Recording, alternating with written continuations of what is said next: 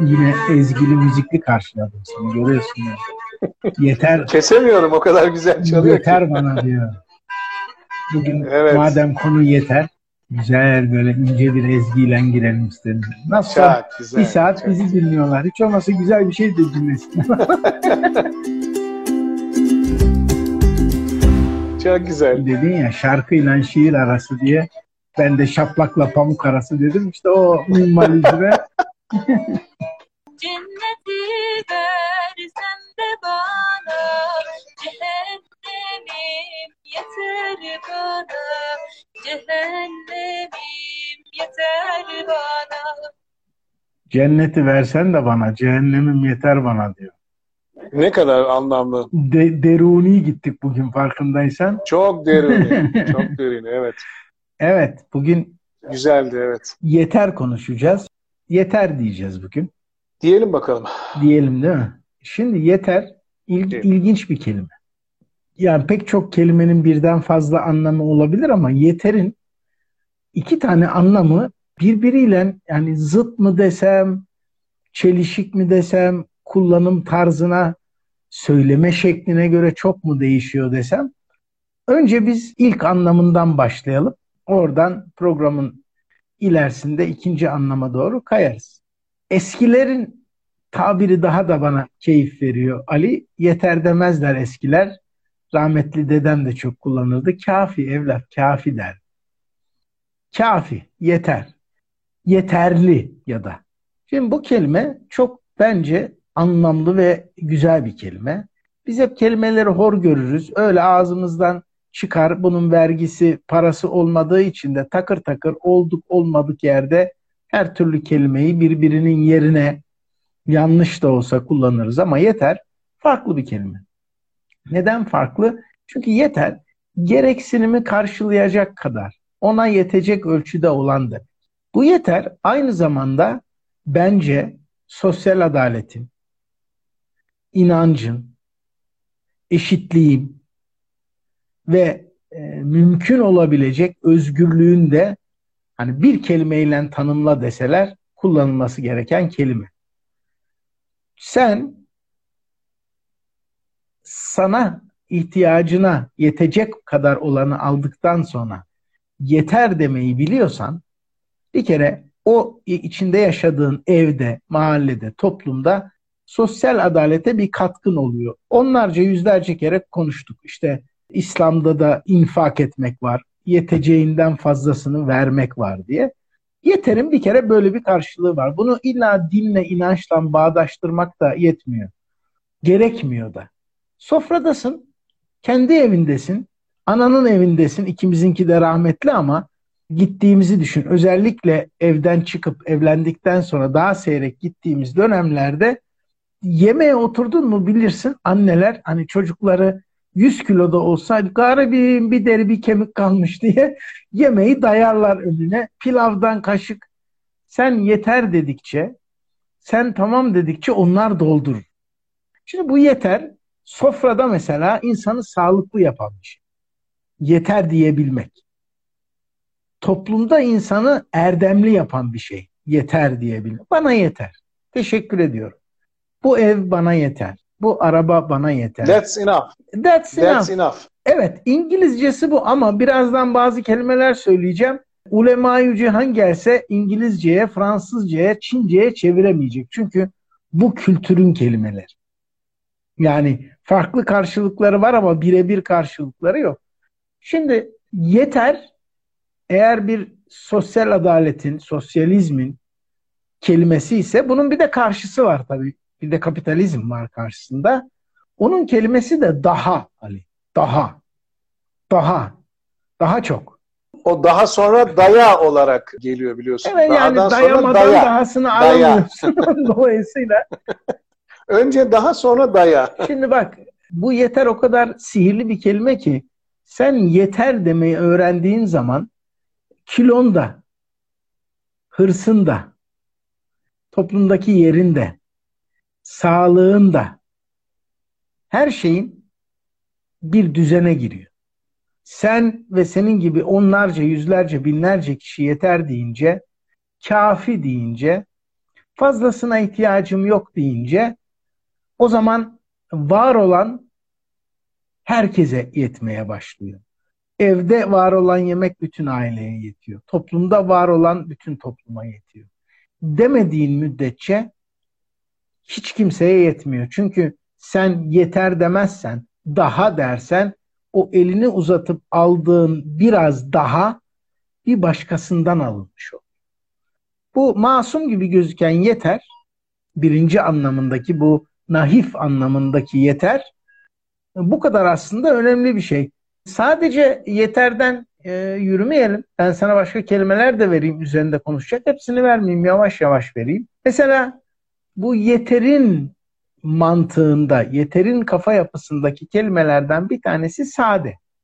Ama bunun karşısında kapitalizmde ya da bugünkü toplumda sade dediğimiz şeye onlar basit diyorlar. Halbuki arada dağlar kadar fark var. Mesela yalın. Yalına düz diyorlar.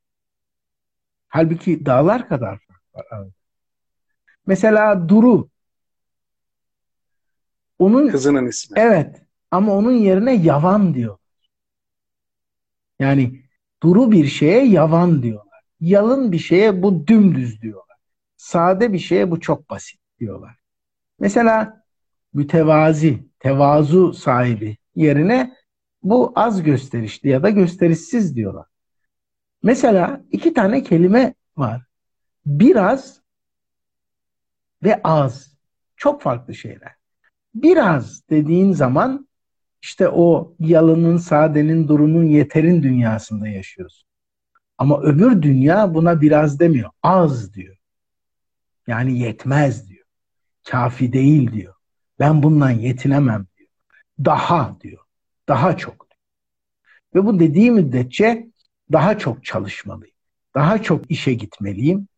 E, bu saatin bir sınırı var. O zaman daha çok fiyat koymalıyım. Daha çok kandırmalıyım. Daha çok üzerine bindirmeliyim.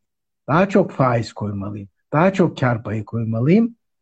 E, vakitten de, nakitten de, aileden de, toplumdan da habire nalıncı keseri gibi kendine yontmaya başlıyor. Mesela nezaket o dünyanın kelimesiyken onun bu dünyadaki karşılığı yumuşaklık. Nazik demiyor. Yumuşak diyor.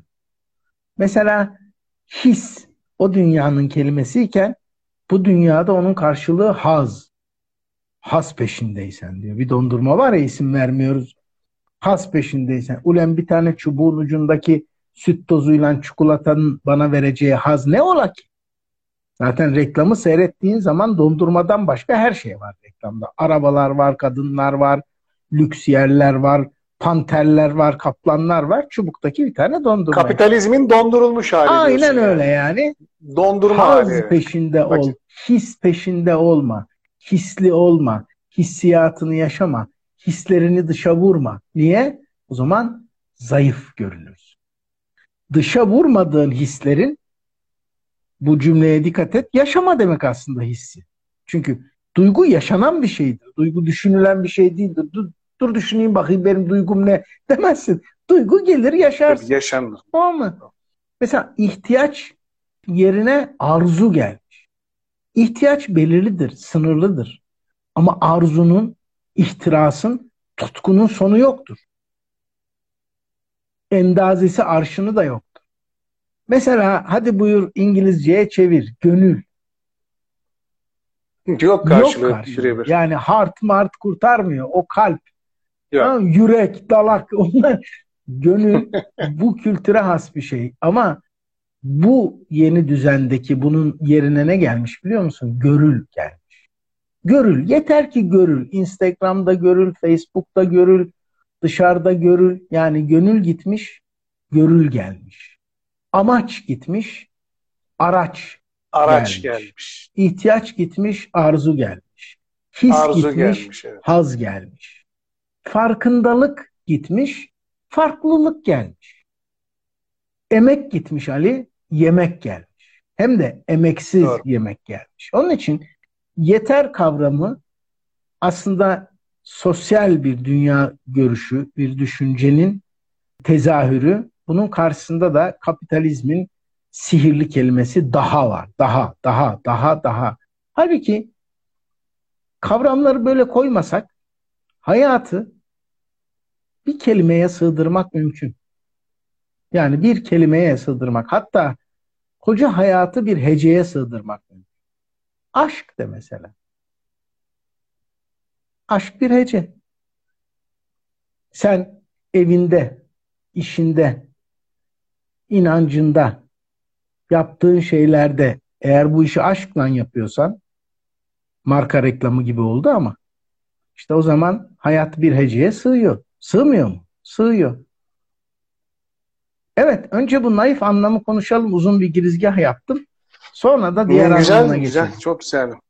Yani konuşsan daha e, dinleriz e, Muratçım. Çok güzel şeyler söyledin. Bu daha kelimesi hayatımızın zaten vazgeçilmez tutkularından birini bize gösteriyor. Çünkü biz yetinmeyen insanlar ve daha sonra da topluluklar olarak hayatlarımızı idame ettiriyoruz. Neden? Çünkü yaşadığımız düzen böyle. İnandığımız gibi yaşamakla yaşadığımız gibi inanmak arasındaki fark gibi Murat. Yani ya yaşadığın gibi inançla yaşarsın, nasıl bir hayatın varsa ona inanırsın ya da bir inancın vardır ve yaşantını ona göre kurgular, yaşantını ona göre çek düzen verirsin. Biz daha çok yaşadığımız şeyleri inanç haline getiriyoruz. Peki neyi yaşıyoruz? Bize neyi yaşatıyorlar? Bize daha fazla üretmeyi, daha fazla çalışmayı, daha fazla bizim üzerimizdeki dayatmalarla, dayamalarla, evet biraz amiyane ama sonuçta o dayama dediğimiz şey ruhsal anlamda da düşündüğün zaman dayatmaya doğru gidiyor. Bu dayatmalarla daha bizim pasif olmamız isteniyor, daha robotlaşmamız isteniyor. Bunlar bir düzenin aslında kodları. Bu düzene biz kapitalist düzen diyoruz. Çünkü bir şeyin dahası nesnelse kapitalizm erdem üzerine eğer kurulu bir daha varsa bu ise biliyorsun sufizm ya da sofizmdir. Ya da daha çok ahlakçılıktır. Onun da ayarı bozuk. Daha hoşgörülü olabilirsin. Daha merhametli olabilirsin. Daha alçak gönüllü olabilirsin. Eğer fabrika ayarlarının ötesinde dahaların varsa bu nesnel ya da öznel yani nesnel kapitalizmde dahaları yaşıyoruz ve dahaların artık değerini zaten bizim cebimizden alıp logaritmik bir tabanda eksponansiyel olarak bir zenginlik artarken 90 derecelik bir açıyla serbest bir düşüşte yoksulluk ve yoksunluk da artmaya başladı. İşte bu açı yani dahaların açısı toplumsal huzuru bozar. Jean-Jacques Rousseau'nun toplumsal sözleşmesinde belirttiği şey gibi eğer bir sınıflar ya da zümreler arasındaki fark açıksa bir çalkantı bir toplumsal bunalım söz konusudur diyor ve Karl Marx da bunu zaten diyor ki sınıflar arasında her zaman bir çatışma vardır.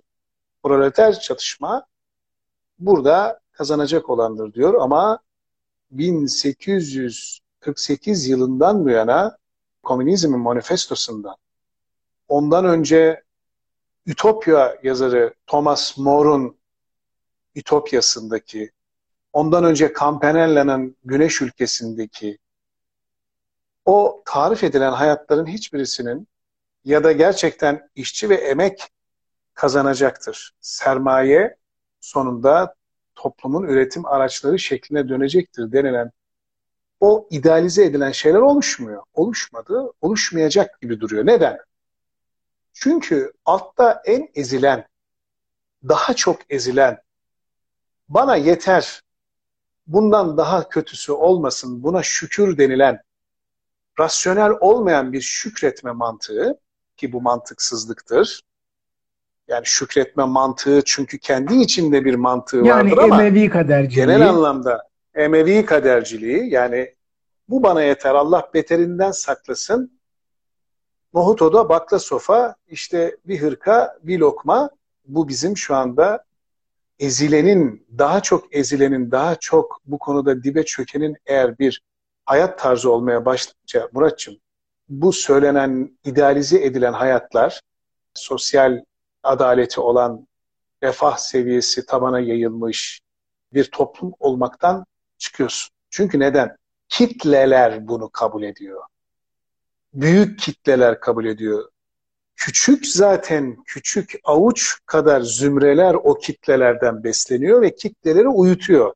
Hani Marx'ın en son cümlesindedir bu. Gerçi başında farklıdır ama din afyondur dediği şeyde aslında o afyonun hem acı çekene iyi geldiğini hem de uyuttuğunu ve uyuşturduğunu düşünürsek biz de sadece din değil şu anda afyon olarak verilen.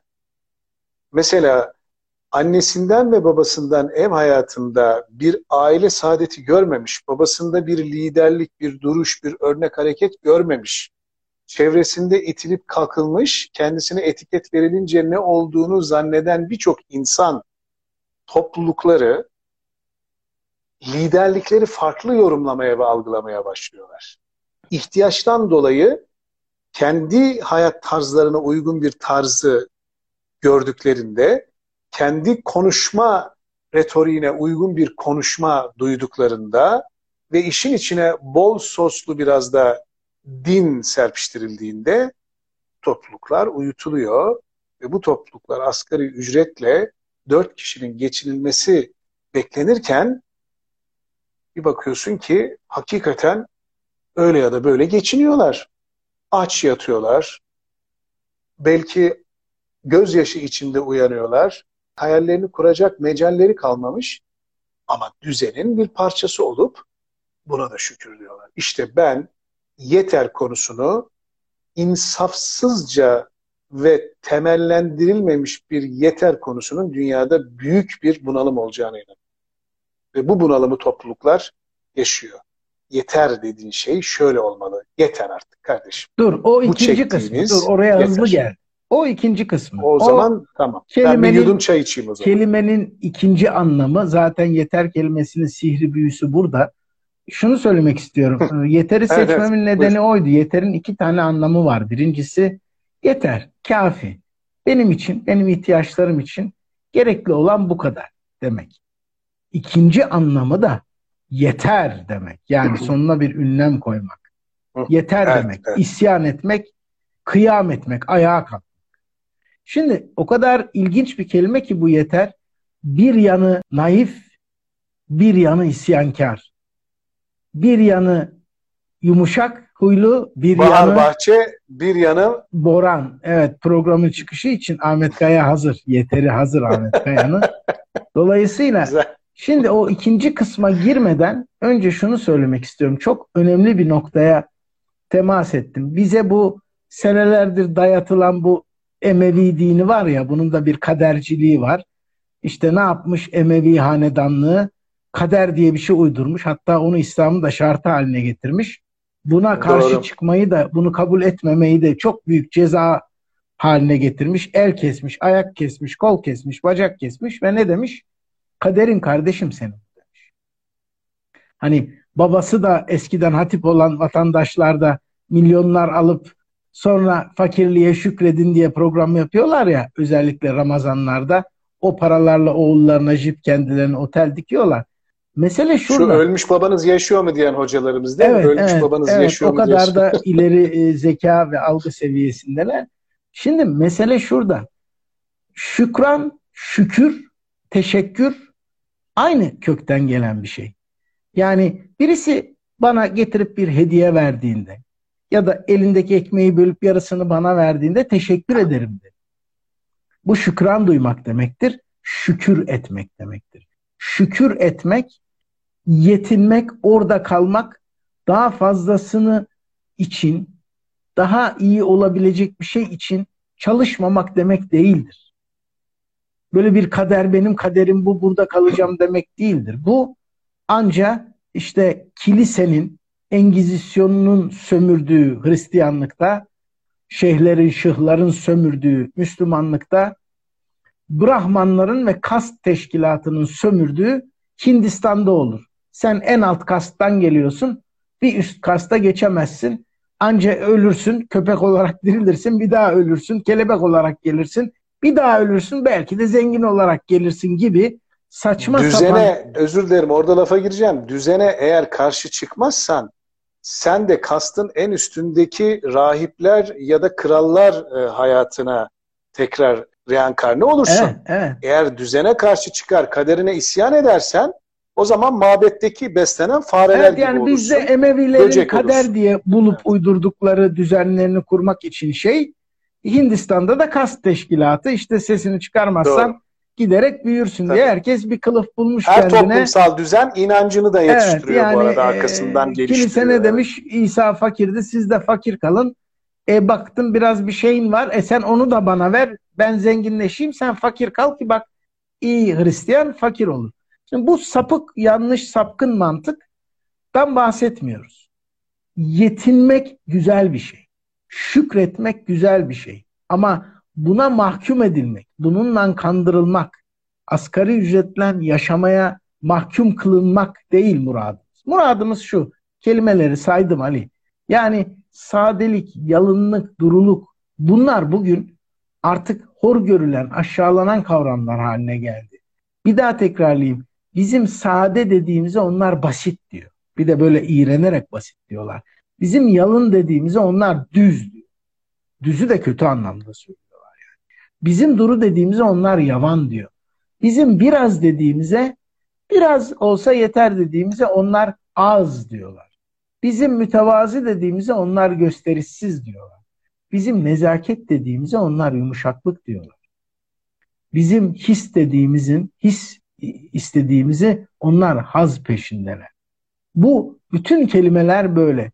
Yeter dediğin gibi şükretmek dediğin gibi bir kadercilik, bir kabullenme ve bunun ben ötesine geçemem. Bu bana işte Allah'ın, liderin, şeyhin, şıhın çizdiği çizgi. Hayır asla bu demek değil. Birisi size bir şey verdiği zaman şükretmek nedir? Adab-ı muaşerettir. Asgari insanlık göstergesidir. O şükretmek, şükran duymak, teşekkür etmek. Muratçım çok özür dileyerek siz- e, sözünü kesiyorum. Çünkü burada girmem lazım. Karşılıksız verilen bir şey şükredilir. Allah yarattığı tabiat kanunlarıyla, verdiği güneşin ısısı ve ışığıyla, ayın aydınlığıyla, atmosferde soluduğumuz hava, ektiğimiz o topraklar, o toprağın içerisindeki üretim potansiyeli. Bunlar karşılıksızdır. Güneş kendisi için değil, tüm kainatta bir rolü, yeryüzünde de önemli bir olmazsa olmaz hayatın kaynağını teşkil eder. Ve bu Allah tarafından yaratılmış olan nimetler karşılıksız olarak tüm insanlara eşit olarak dağıtıldığı için karşılıksız verilen şeylere şükredilir. Ben emeğimin karşılığında verdiğim bir zahmete rahmet eğer elde ediyorsam bu bir karşılığın elde ettiği şeydir. Ve buna şükretmeme gerek yok. Teşekkür etmek şükran borcuyla Allah'a minnet borcunu ödemek arasında fark şudur.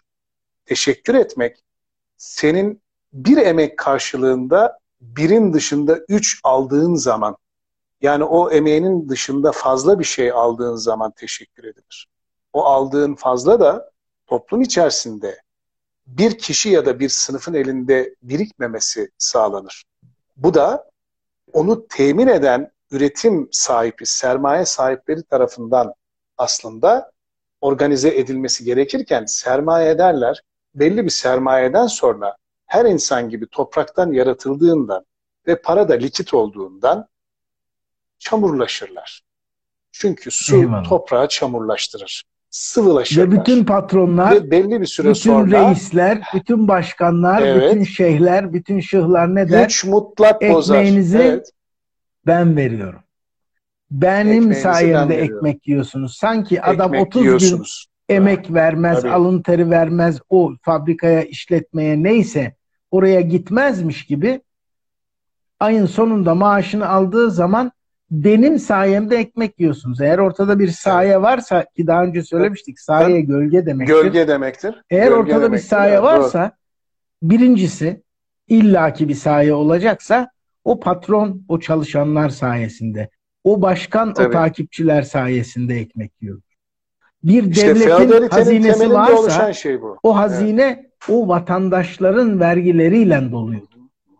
Doğru. Ya da para basıyordur eşittir enflasyon demektir.